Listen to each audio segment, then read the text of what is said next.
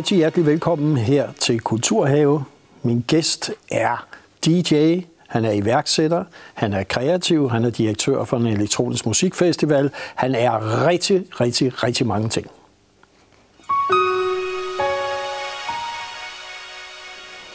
Og hjertelig velkommen til dig, Frederik Birgit Schmidt, direktør for Strøm, Elektronisk Musikfestival. Tak, Christian. Øh, kan du ikke lige fortælle, er det du, man kan sige hele dit univers, som er det elektroniske, det er nogen vil kalde computermusik, alt muligt. Er det egentlig musik? Ja, selvfølgelig. Men om man vil kalde det computermusik eller ej, det er sådan set lidt ligeglad med. Bare det rører folk. Som al anden musik, så er den elektroniske musik jo en måde at udtrykke sig på. Vi gør det på en måde, som man øh, kan kalde via teknologi, men altså et fly er jo også et stykke gammel teknologi, muligvis. Saxofon, dito, guitar, et, et cetera. Så for os handler det mere om at bruge den teknologi, der er til rådighed lige nu, om det så er på en telefon, eller en computer, en synthesizer eller keyboard. Det er sådan set ikke det vigtigste. Men elektronisk musik for mig er jo også en måde at opleve musik på på andre måder, end øh, andre genrer måske kan komme til. Altså en måde at udtrykke sig på rytmisk, øh, dansemæssigt selvfølgelig også, men især lyttemæssigt, som at siger, elektronisk musik for mig især har så mange brede muligheder, at det er det, jeg synes, der er det spændende at afsøge med Strøm, som jo er faktisk mere end en festival. Vi arbejder året rundt. Vi laver undervisning hele folkeskolen på 4., 5. og 6. klasse, hvor de kan lære at lave deres musik. Selvfølgelig en stor festival i august i hovedstaden, men også koncerter året rundt øh, fra Dronning Mølle til Langeland. Og hvordan, når man nu har en kandidatgrad i geografi, hvordan øh, ender man så her? Rigtig godt spørgsmål. det er der mange, der spurgte mig om før, fordi inden der har jeg faktisk også en uddannelse som øh, producer producer studietekniker, og har arbejdet mange år i det, der hedder Medley Studie i København, hvor alt fra Prince til Radiohead og Cardigans har indspillet, så jeg sidder og lavet rigtig mange guitar-soloer for rigtig mange folk. Og på et tidspunkt blev jeg lidt træt af det, og fandt ud af, at det, jeg egentlig elsker, som den elektroniske musik kan, det med at arbejde meget, lad os kalde det stedspecifikt, altså gå ud og indtage et gammelt varehus, eller et lagerrum, eller noget andet, der, der er tomt. Jo handler rigtig meget med at bruge by og natur på nye måder. Altså i stedet for at gå og vente på, at der bliver bygget en stor festival eller en klub eller et spillested, så laver vi den selv. Så den er lidt punket, gør det selv metode, fandt jeg ud af. Den kan man måske også godt begynde at arbejde med akademisk, for jeg havde behov for at udfordre mig selv, efter at have lavet de der 9.000 guitarindspilninger. Og så sagde jeg, okay, jeg må tage et sted hen, jeg har lyst til at læse. Jeg vælger et universitet, det bliver Roskilde tilfældigvis.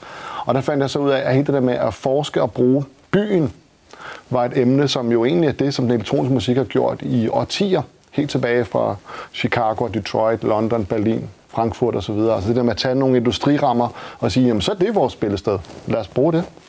Og nu synes jeg lige, at i stedet for at vi kun snakker om det, så skal vi også lige lytte en lille smule til det univers, der hedder den elektroniske musik. Det kommer her. Fedt.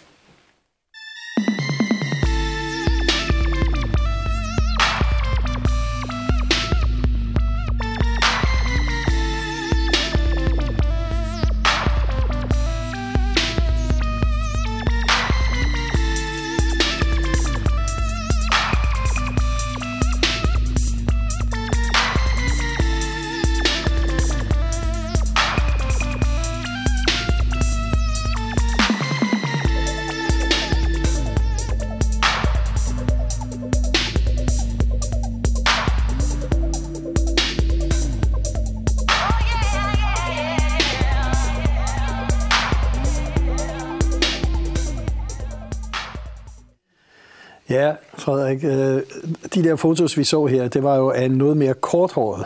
ja, eller fra kort til lidt længere, og nu til rigtig langt.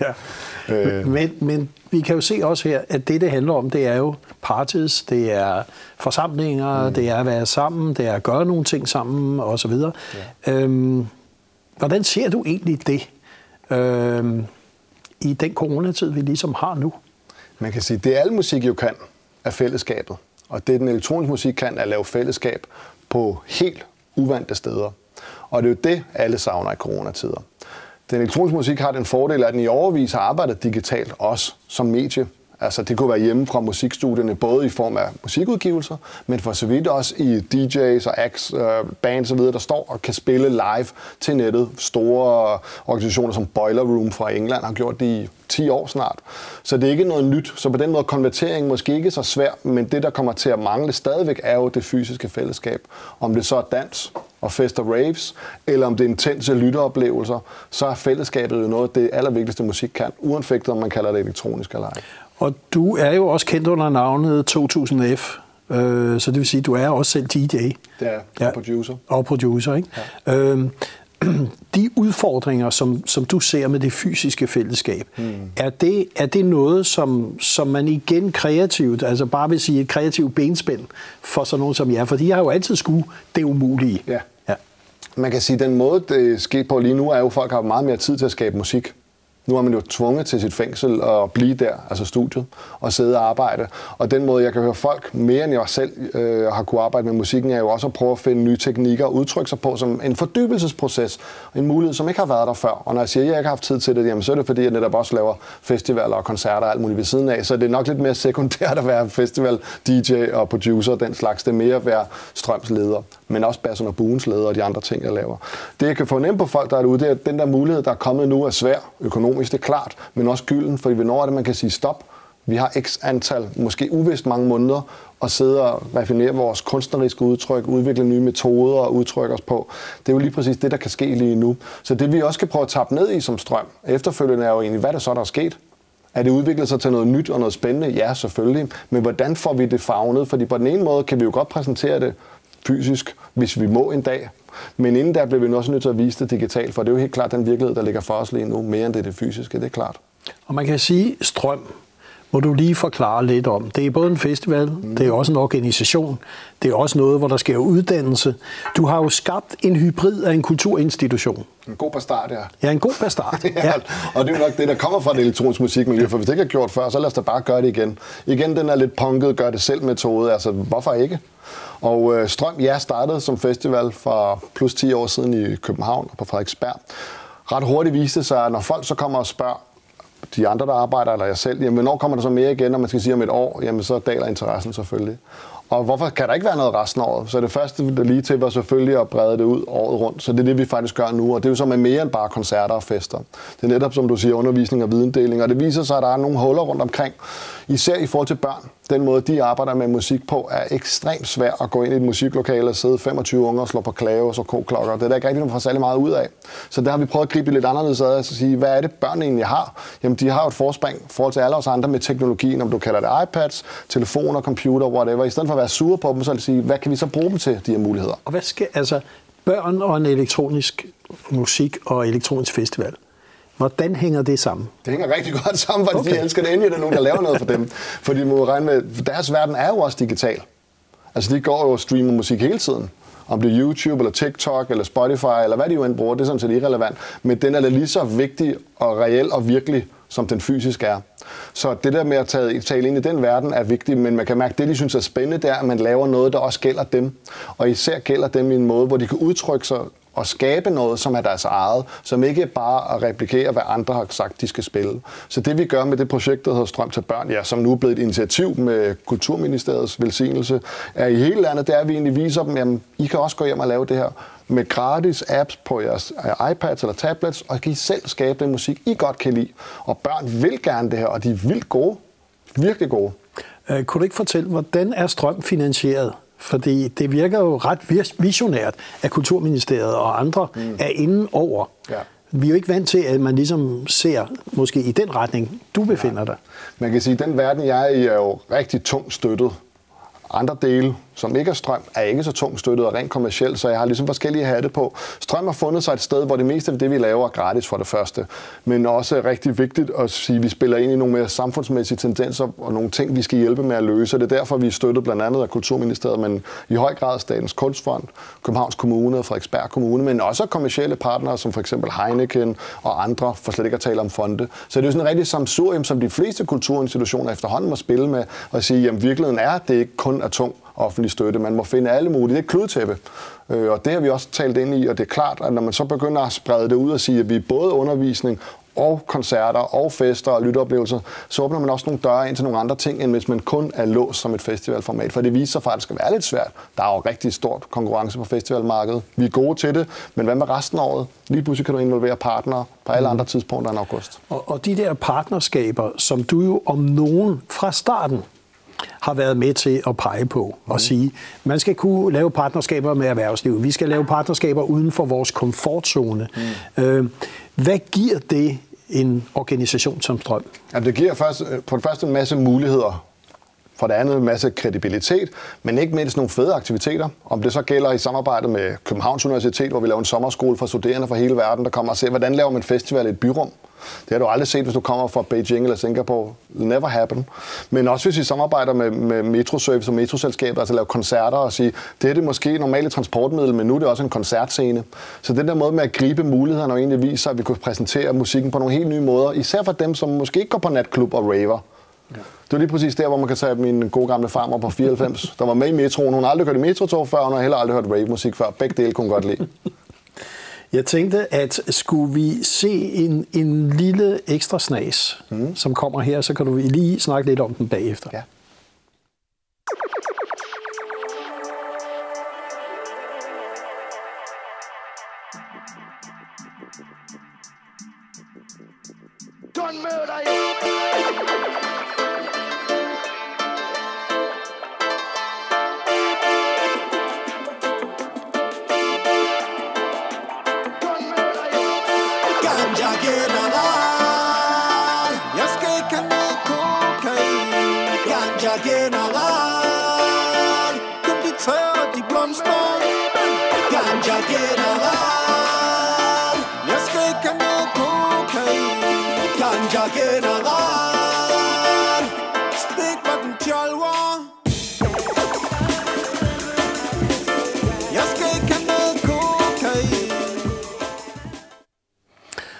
Og vi er i gang med Kulturhave, og min gæst er Frederik Birke Smits, direktør for Strøm, 2000F, øh, DJ, producer og meget andet.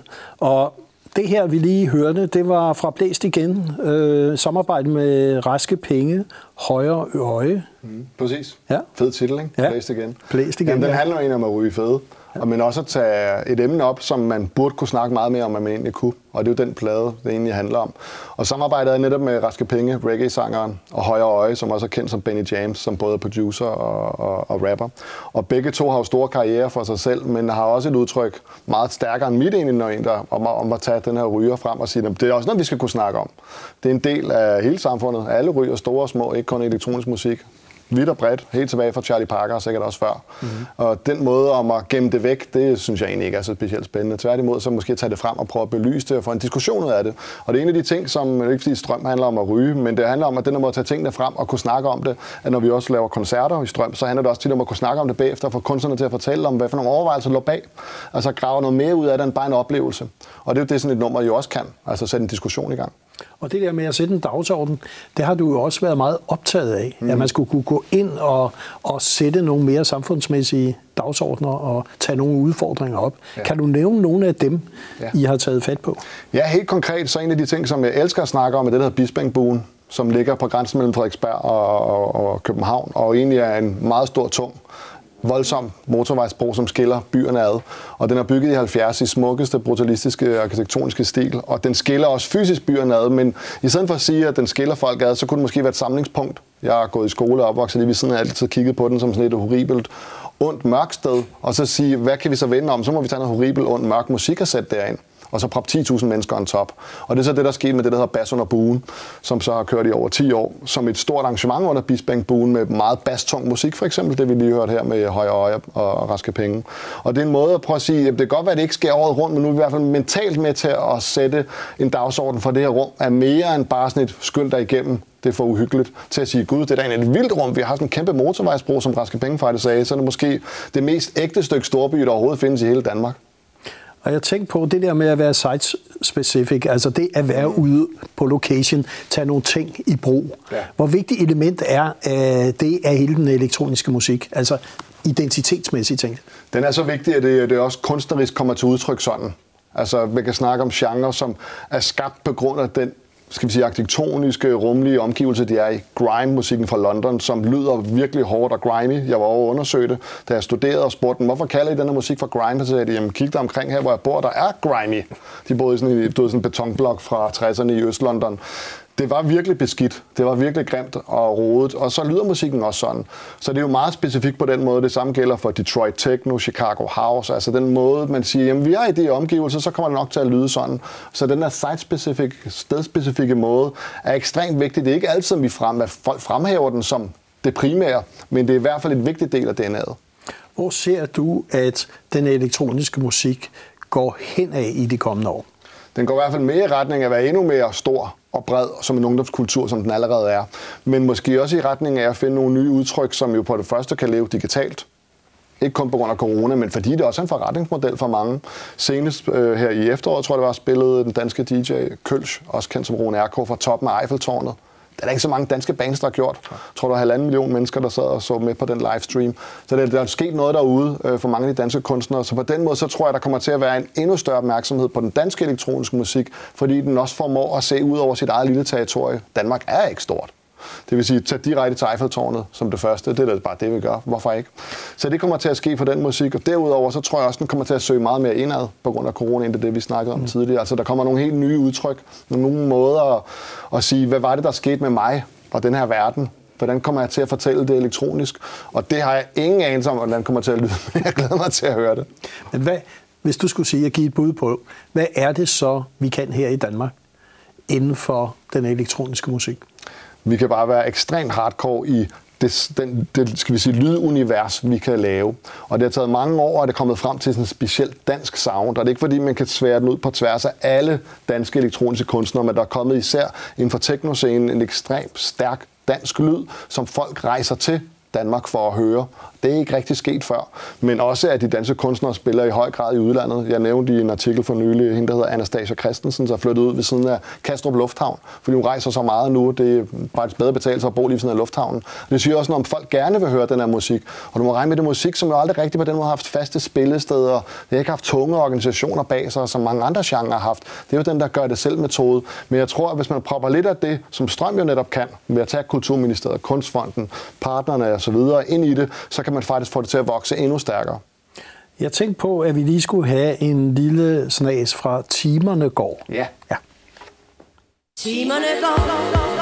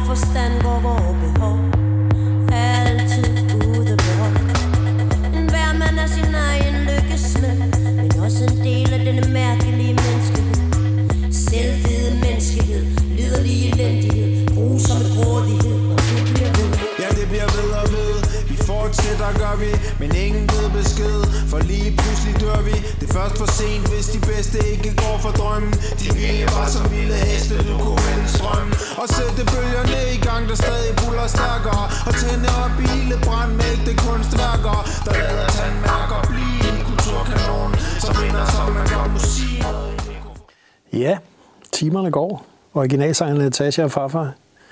Hvad, kan du knytte nogle ord på den? Der er i hvert fald masser af bass. Ja, ja, det er et ja, remix, ja. som Ja. øh, jeg lavede sammen med Raske Penge, men faktisk også øh, Top Gun var med til at lave det.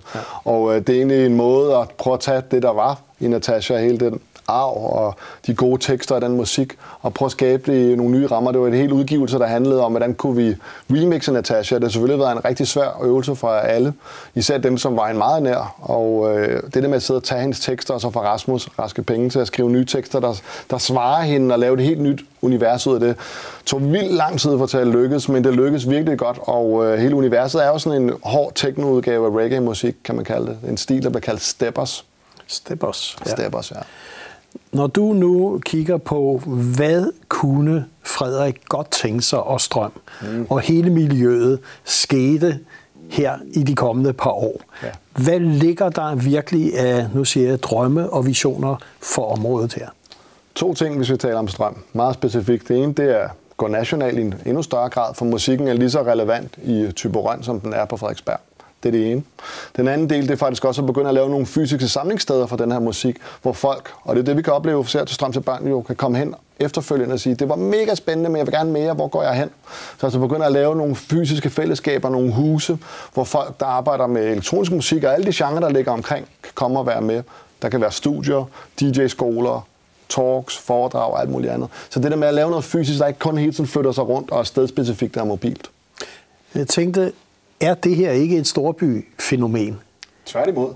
Okay. For halvandet år siden var vi i Dronning Mølle med Gunnar Møller Pedersen. Om lidt er vi på Langeland med ham. Vi har lavet koncerter over hele landet, fra syd for grænsen i, øh, på markerne i Flensborg og udenfor. Og sådan set handler det jo ikke så meget om storby. Det handler rigtig meget om at få præsenteret musikken, så folk også siger, at det skulle da også noget for mig. Om det så er et metrotog eller på en mark. Så om det er byrum, natur eller alternative lokationer, det er sådan set lige fedt, synes jeg.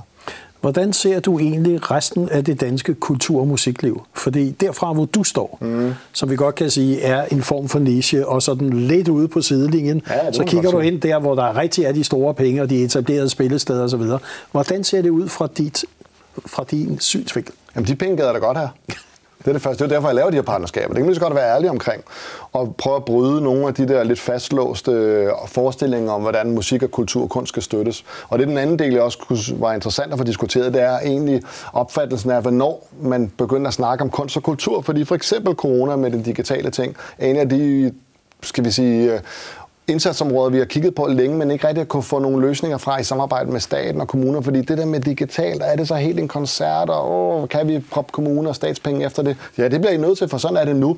Så man får ligesom disrupted hele den der tankegang, som altid er, at man skal stille sig op foran en scene med fadøl i venstre hånd, og så kigge på og klappe, når det er færdigt. Den får man måske væltet nu, og det kunne så netop være vores tid, det kunne sige, jamen så prøv at høre, hvordan vi har gjort det længe. Vores er ikke bedre, vores er bare et godt alternativ. Men jeg er helt sikker på, at den der digitale omvæltning også kommer til at betyde, at folk kan lære meget mere. Fordi det der, i stedet for at samle sig i en musikskole kun, så kan man lige så godt sidde og lave det derhjemme. Og så mødes i musikskole eller de her strømhuse, jeg har snakket om. Og sige, hvad søren har du lavet derhjemme? Må jeg prøve at høre dit beat? Fordi det er jo lige så godt foregå online, når man sidder og lærer, som det kan foregå fysisk. Men jeg tror, at det fysiske er vigtigt. Det bliver vi bare nødt til at have med stadigvæk. Så de der strømhuse, du snakker om, er, det, er det nogen, der skal afløse musikskolerne rundt omkring? Tværtimod, jeg tror bare, de skal komplementere dem. Jeg har selv gået på musikskolen og øh, har selv elsket det, men der er også en udfordring i at sige til en ung, hvis du gerne vil lære at spille rockguitar eller techno-keyboard, og så kan du gå til det 17,5 minut en gang om ugen, præcis når jeg siger, at du kan gå til det. Det er der altså ikke særlig mange unge, der gider. Det er rigtig dyrt at gå der, der er lange køer, det er svært at investere i de her instrumenter. Så man har ligesom en udfordring i mange af de her folk, som gerne vil gå til det, ikke kan gå til musik, og kan ikke lære at tryk, udtrykke sig og skabe, og hvad man ellers nu kan på sådan en musikskole. Og der tænker jeg, at vi bliver nødt til at gøre det lidt mere demokratisk. Og måske i stedet for at sige, at i stedet for musikskolerne, så er der strømhusene, så tror jeg mere, at man skal tænke det i et samarbejde. Vi har indledt det nu med at lave samarbejder med de store konservatorier for at starte på et niveau i hvert fald. Syddansk og det jyske musikkonservatorium og Sonic College, øh, som ligger i Haderslev. Altså de uddannelser, der arbejder med elektronisk musik og lyd. Jamen lad os lave et samarbejde der, som vi etablerede her for to måneder siden. Og hvis du nu havde en ønskeliste, hvor du ligesom kunne sige, det kunne jeg egentlig godt tænke mig, at jeg fik de her to-tre ting mm. inden for de kommende par år Ja. til mit område. Hvad ville det være? så vil det være verdens største lydsystem. Verdens bedste, verdens største lydsystem, for den her musik handler jo rigtig meget om lyd. Og det er det aller, aller vigtigste, når vi kommer ud og spille, fordi man kan lige så godt være ærlig, elektronisk musik er måske ikke den mest spændende med en DJ, der står og kigger ned i en pult og interesserer sig i, hvad der sker på knapperne. Det er cool nok, hvis man forstår den som en del af en klubkultur, for der er det ikke det, der er det vigtigste. Men det er svært for andre, der sådan foregår der ikke andet.